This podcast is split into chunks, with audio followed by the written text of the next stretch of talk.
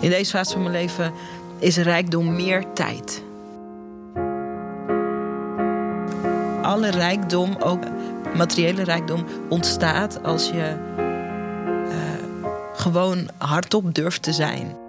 Welkom bij Lessen voor een Rijker Leven, de podcast waarin we met bijzondere mensen het gesprek aangaan over het thema geluk. Hoe definiëren zij een rijk leven? En als ze terug in de tijd kunnen gaan, welke levenslessen hebben zij dan voor hun jongere ik?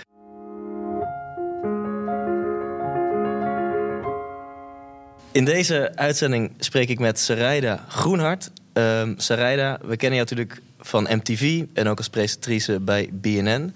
Inmiddels ben je ondernemer en help jij onder andere vrouwelijke ondernemers om meer zichtbaar te worden met behulp van jouw Video Business School. Nou, we gaan het hebben over een rijk leven. Hoe zou jij dat voor jezelf definiëren, een rijk leven?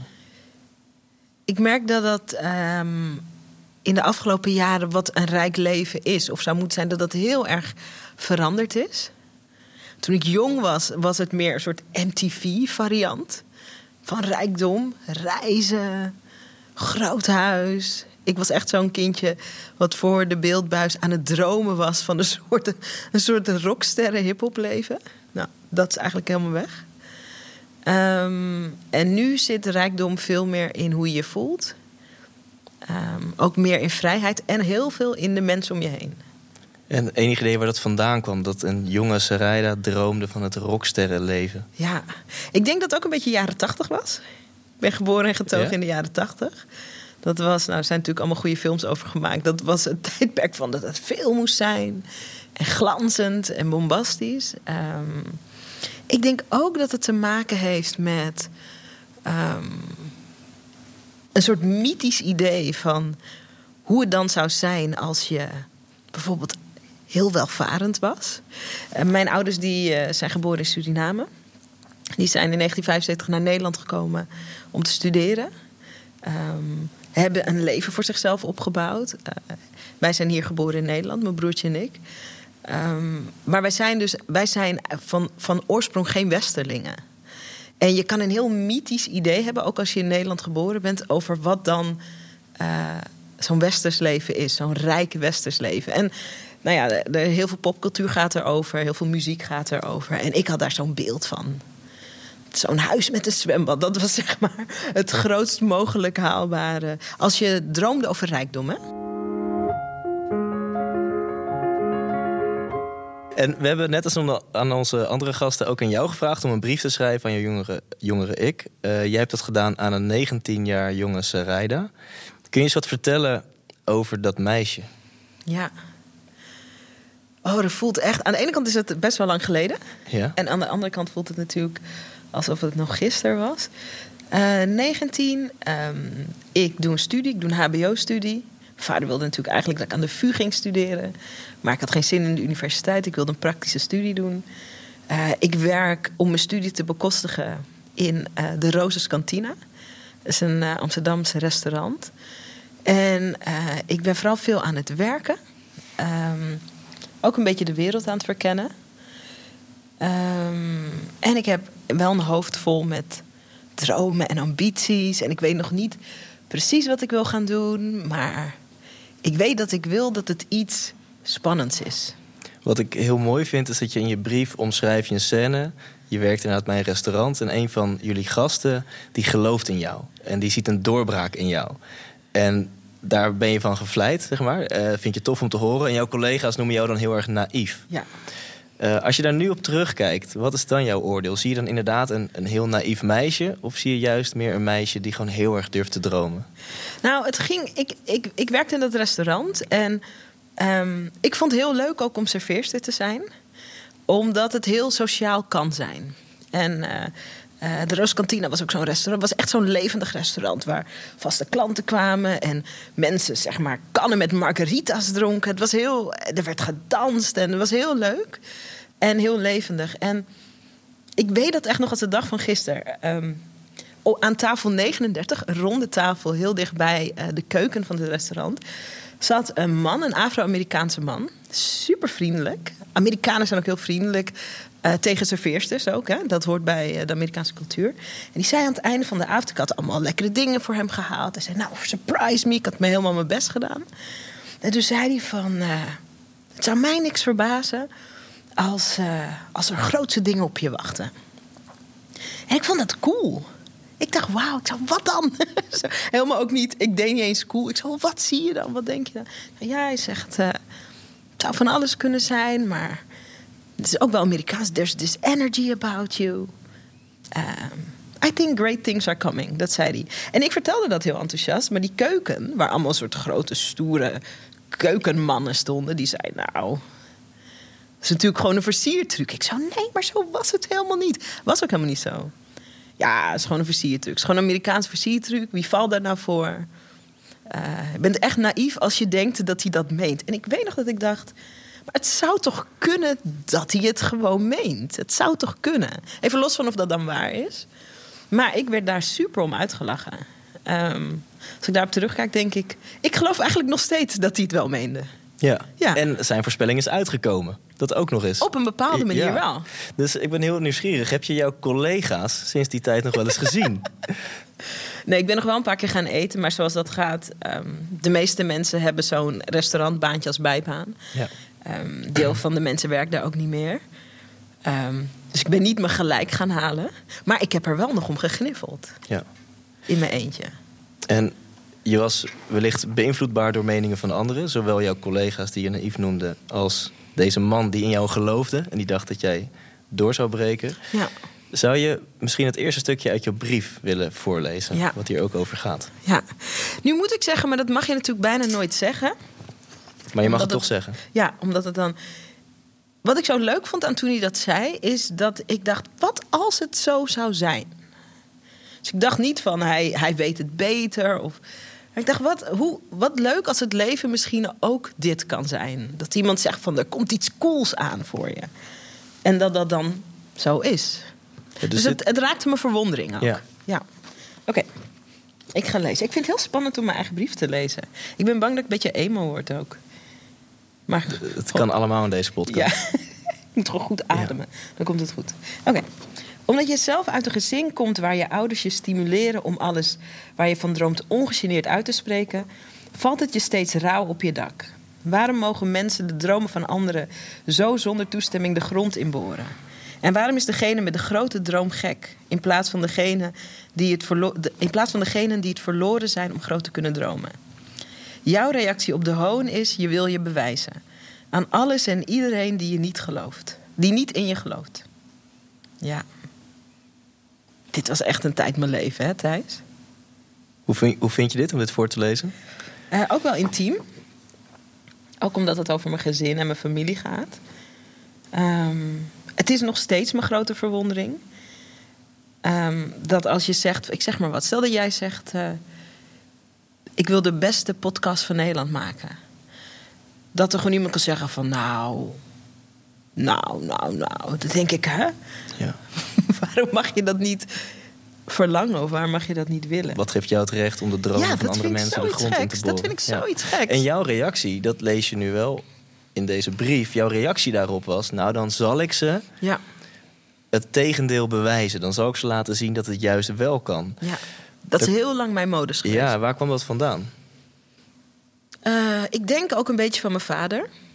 Vader die is, uh, was een heel strijdlustig, op een leuke manier, heel strijdlustige vent. Ik denk ook omdat hij um, kwam in Suriname uit een gezin van elf kinderen. Dat is natuurlijk gangbaarder in Suriname, dat komt vaker voor. En hij wilde natuur en scheikunde gaan studeren. Dat was toen voor iedereen in dat gezin best wel ver van zijn bed van hun bed. En hij zei: Nee, ik ga het doen. Dus we zijn heel erg opgevoed met uh, um, alles kan. Je moet wel knalhard voor werken. Um, maar alles kan.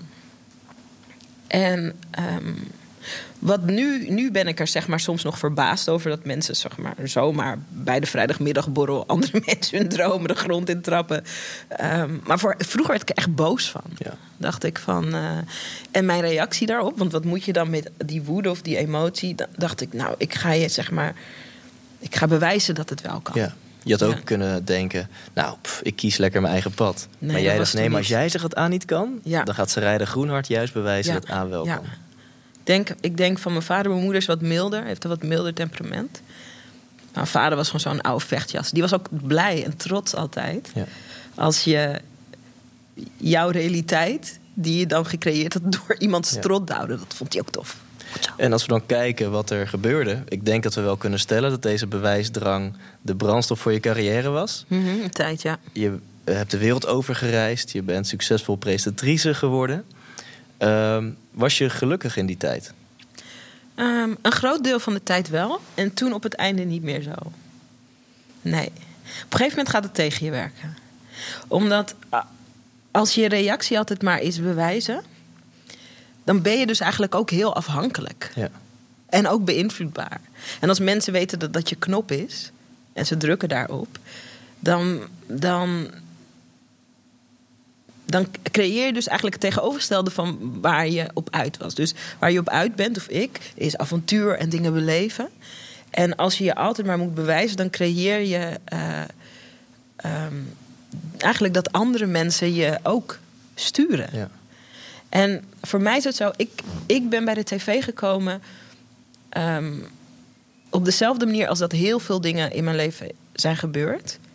Ehm, ik las in de krant, NRC Handelsblad, dat MTV een nieuwe zender ging beginnen. En ik dacht, ik ga een plan schrijven voor die zender. Ik was toen 22. Ik ga een plan schrijven voor de zender. Als ik aan terugdenk. Maar ik ging wel echt de straat op. En ik ging wel echt ehm, jongeren interviewen. Want dat stond in het artikel, dat het een jongerenzender zou worden. En van die, eh, van die input maakte ik een plan. Maar eigenlijk een soort totaal los eigenlijk van de realiteit. Toch eigenlijk? Eh, maar wel opgestuurd. En gewoon net zo lang gebeld met MTV. Hebben jullie mijn plan voor de zender gezien? Jongens, ik heb een businessplan. Kom op. En eh, dat werd een soort running gag daar ook. En toen zei ik van, maar ik blijf wel, ik ga, jullie moeten het toch lezen. Als jullie het druk vinden, dan kunnen jullie me weer, dan, hè, als het nee is, is het nee. Ja. Maar zolang er nog geen nee is, is het misschien nog een ja. En ik ben eigenlijk meer op die attitude aangenomen, achter de schermen in het begin, dan op dat er ook goede dingen in het plan stonden, want het viel natuurlijk best wel Ja. mee. Dus als we het hebben over lessen voor een rijker leven, dan is volharding in elk geval iets wat Ja. jou veel heeft gebracht. Ja, alleen wat voor mij belangrijk was, dus dat heeft altijd in me gezeten.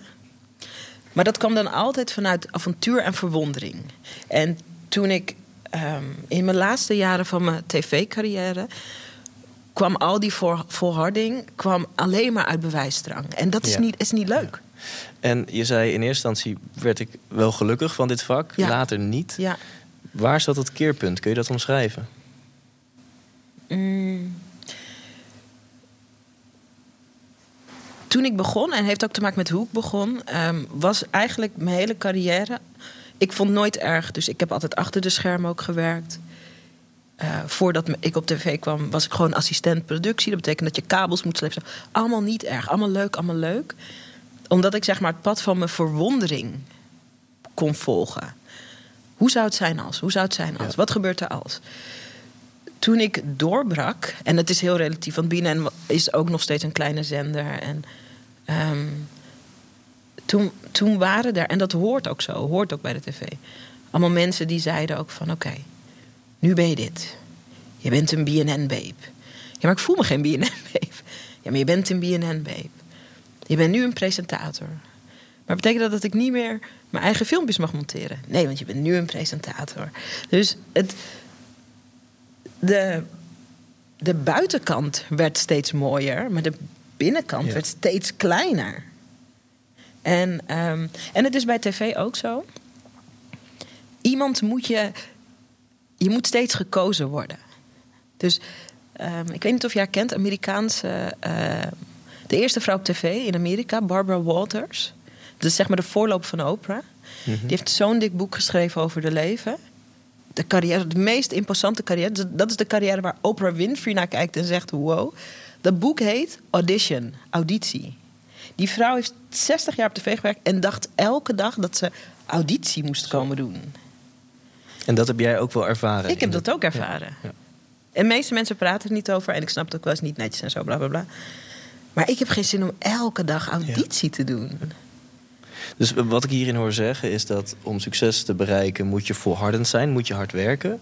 En zolang dat nog komt uit intrinsieke motivatie, uit avontuur, waar het over had, uit, uit nieuwsgierigheid, dan is dat oké. En zodra het begint te komen uit bewijsdrang, Ja, daar is het bij jou ja.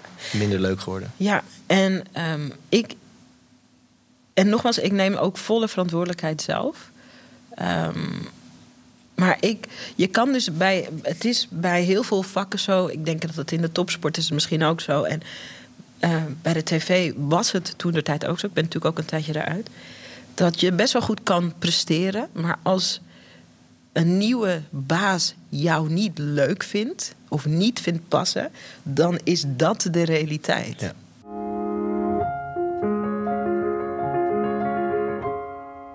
Volgens mij gaat hier ook een stukje uit je brief over.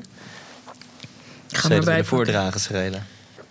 Je wordt voor het oog van de buitenwereld steeds succesvoller en tegelijkertijd raak je steeds verder van jezelf verwijderd. Oh ja, je nadert de 30 en ineens lijkt alles waar je zo hard voor gevochten hebt een beetje nutteloos. Dat lege gevoel jaagt je angst aan. Totdat je een mooi gesprek hebt met je vader. Als alles mogelijk is, wat wil je dan beleven? De vraag overvalt je. Al een tijdje droom je ervan om voor jezelf te beginnen. Om een eigen platform op te zetten waarop je alle verhalen kan maken die je wil maken. Alle programma's en video's kan opnemen die je wil opnemen. Alle mensen kan interviewen die je interessant vindt. Ja, dit was precies hoe ik me toen voelde. Hoe voelde je toen? Ehm, ik, kijk, sommige mensen hebben niet zoveel ideeën en sommige mensen hebben veel ideeën. En ik ben iemand die veel ideeën heeft. En ik, en ik opper het ook. Ik ben er zo iemand die bij de meeting als eerste hand opsteekt. En ik was in een fase geraakt dat ik zeg maar allerlei ideeën opperde. En, en dat is ook terecht, hè. Ehm, er ging heel veel, gebeurde niet. Want het is niet mijn eigen bedrijf.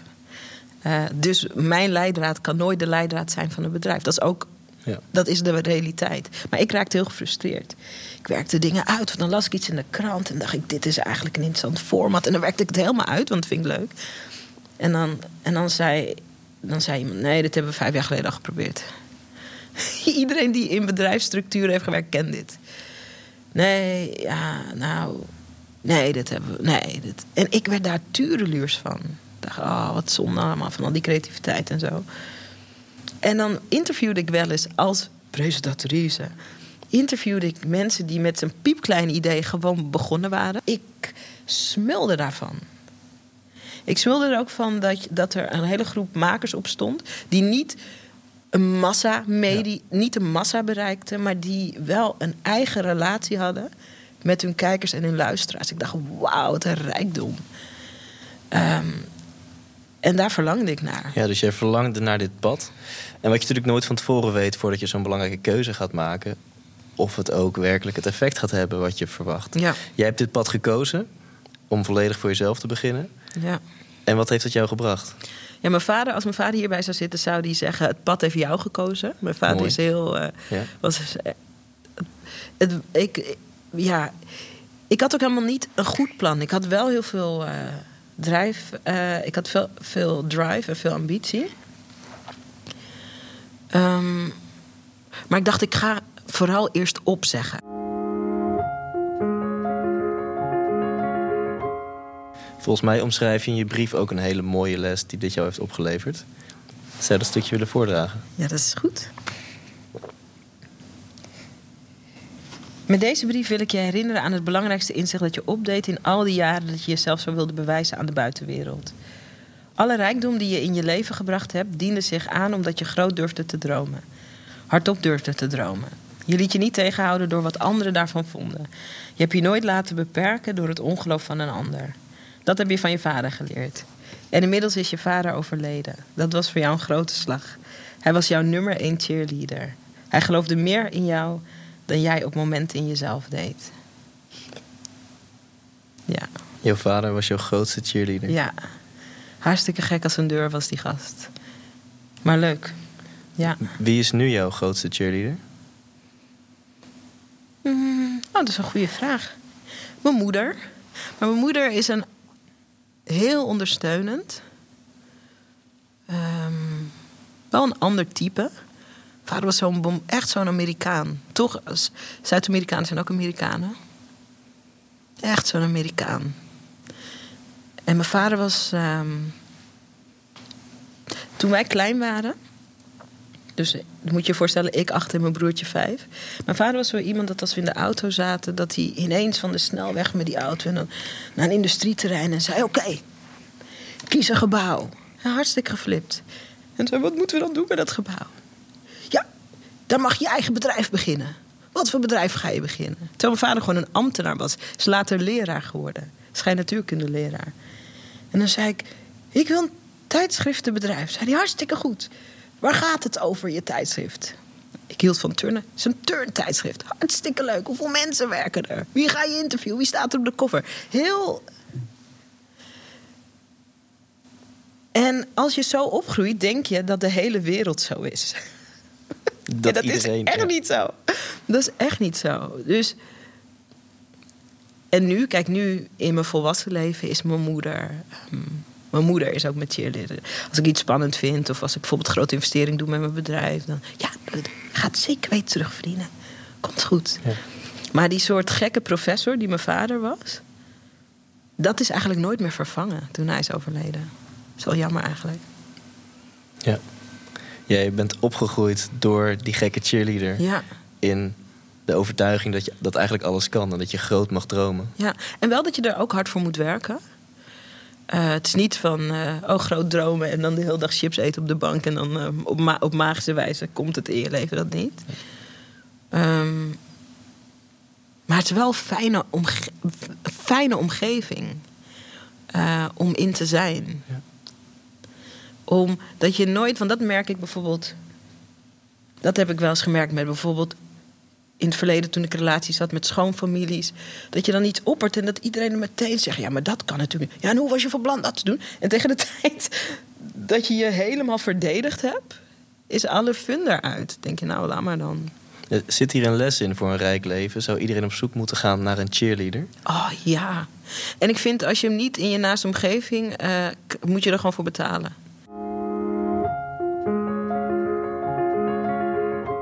In het laatste gedeelte van jouw brief zit, vind ik, nog een hele mooie les voor een rijker leven. Zou je die willen voorlezen? Je vader, je moeder en je broertje leerden je wat echte rijkdom is. Een rijk leven gaat niet per se over geld, hoewel geld een superbelangrijk element is. Rijkdom gaat over de permissie die je jezelf geeft om jezelf te zijn, om grote dromen en om te doen waar je van droomt. Rijkdom is ook omringd zijn door mensen die dat in je voeden, mensen die je dat gunnen en je daarin aanmoedigen. Dit is het allerbelangrijkste. Rijkdom gaat over de permissie die je jezelf geeft om jezelf te zijn. Ja. Anders stelt het geen reet voor allemaal.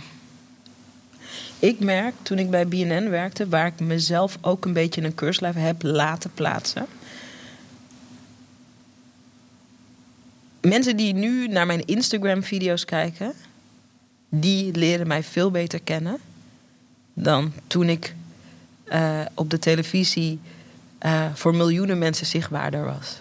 Heb jij dat zo jarenlang ervaren? Dat je, je was zichtbaar, maar niet als wie je echt was?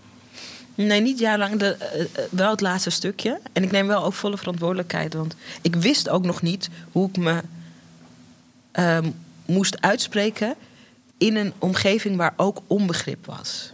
Kijk, het is natuurlijk makkelijk om je uit te spreken in een veilige omgeving. Iedereen is met je eens, top. Maar de uitnodiging is natuurlijk om je uit te spreken op een plek waarvan je weet dat niet iedereen begrijpt wat je bedoelt. Dat is de uitnodiging. Dat is de uitdaging. Ehm, je hebt wel een, een kring nodig, zoals ik heb bijvoorbeeld mijn familie, waarin je dat kan oefenen, die spier kan trainen, om gewoon hardop eerlijk te zijn, zeg maar. En dan is het vervolgens de uitnodiging om het in je werkomgeving te brengen. Eh, in je schoonfamilie. Ehm, in die vriendengroep met verschillende vrienden. Ehm, En wat maakt dat zo moeilijk, denk je? ja, omdat we, het- we zijn natuurlijk als mensen... We zijn soort biologisch zo in elkaar gezet... dat we niet graag buiten de groep vallen. Omdat vroeger ging je gewoon dood als je buiten de groep viel. honderden duizenden jaren geleden. Dus in die zin moet je een beetje tegen je, je overlevingsstructuur in. Het is natuurlijk makkelijker om daarbij te willen horen. Ik heb ervan gebaald dat ik er niet echt bij hoorde bij BNN. Ik heb daarvan gebaald. En tegelijkertijd is ook de echte waarheid dat uh, ik er niet altijd echt bij hoorde. En dat dat bijvoorbeeld ook wel weer het fundament is van wat mijn leven nu is. Waar ik heel, toch ook veel plezier en vrijheid beleef. Je hebt inmiddels zelf een dochter. Is dit ook de grootste les die je haar wil meegeven? Ja, ik, als ik. Want ik zit de laatste tijd veel na te denken over erfenis. Ze is nog heel jong, hè? Uh, maar zodra je een kind krijgt, dan. Mensen zullen dit beamen. Wordt de angst voor je eigen dood gaat meteen door het dak. Dat je denkt: oh my god. Dus je, ik denk gewoon ook wel eens na over: wat, wat laat ik na? En ik hoop dat ik oud mag worden en al dat soort dingen. Um, maar wat ik haar gun, want ik denk, kijk. Ik hoef haar geen bak met geld na te laten, vind ik. Misschien doe ik het wel, misschien doe ik niet. Um, ik weet, alle rijkdom, ook materialistische, materiële rijkdom, ontstaat als je uh, gewoon hardop durft te zijn. Ik weet dat dat is aantrekkelijk ook. We vinden die mensen ook aantrekkelijk. Tot slot, lieve Schrijda. Je hebt grote successen gekend. Uh, bij BNN, bij MTV. Later heb je nog grotere successen gekend. Vooral door je eigen pad te kiezen. Mm -hmm. Je hebt een prachtige dochter. Um, is er nog iets wat jij zou wensen voor een rijk en gelukkig leven? Waar ik nu, uh, waar ik me nu in wil bekwamen, is. Uh, ik kom dus uit een immigrantengezin. We hebben geleerd om woest hard te werken voor alles wat we willen. Uh, en nu zou ik graag in deze fase van mijn leven mijn succes en ook mijn falen en alles, want er gaan natuurlijk constant ook dingen mis de hele tijd. Ik zou willen leren om minder hard te werken. Dat vind ik echt moeilijk ik zou willen, ik wil leren om um, succes te ervaren en minder hard te werken. Work-life yeah. balance. Welke les zou je hieruit kunnen destilleren voor de luisteraar? Um, nou, misschien ook dat. Uh, uh, kijk, voordat ik uh, mijn dochter had, was mijn tijd minder belangrijk. Dus dat rijkdom zat heel veel in het doen in het creëren, in dingen maken, van niets iets maken. En nu wil ik graag leren dat rijkdom zit echt ook in tijd. Ik zou bijvoorbeeld veel beter willen worden in lummelen. Want dat is ook leuk voor mijn kind. Als ik beter kan lummelen. Dus ik denk ook dat eh, rijkdom ook verschillende definities heeft. Ja. In deze fase van mijn leven is rijkdom meer tijd. Ik vind dat een hele mooie les om mee af te sluiten. Dit waren lessen voor een rijker leven. Wil je deze aflevering terugluisteren? Check dan even Spotify of iTunes. En graag tot een volgende les voor een rijker leven.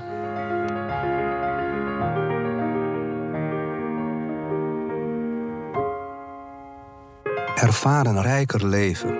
Ontdek de waarde van een partner die u echt begrijpt. Een netwerk dat u inspireert. En een service die zich uitstrekt tot uw dierbaren zodat u zich kunt richten op de ervaringen die er het meest toe doen, met degene die er het meest toe doen. Private banking bij Insinger Gielissen. Every step of the way.